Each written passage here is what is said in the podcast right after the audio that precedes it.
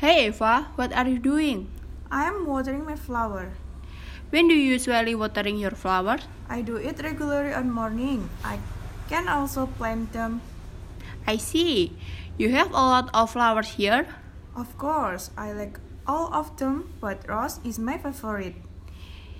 Is this your hobby? Yes, it is. I love gardening. Where do you like it? I love nature, especially flower, because they make my mind relax. It really has soothing effect on my brain.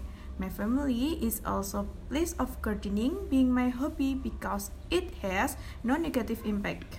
I think your hobby is very interesting. Thank you.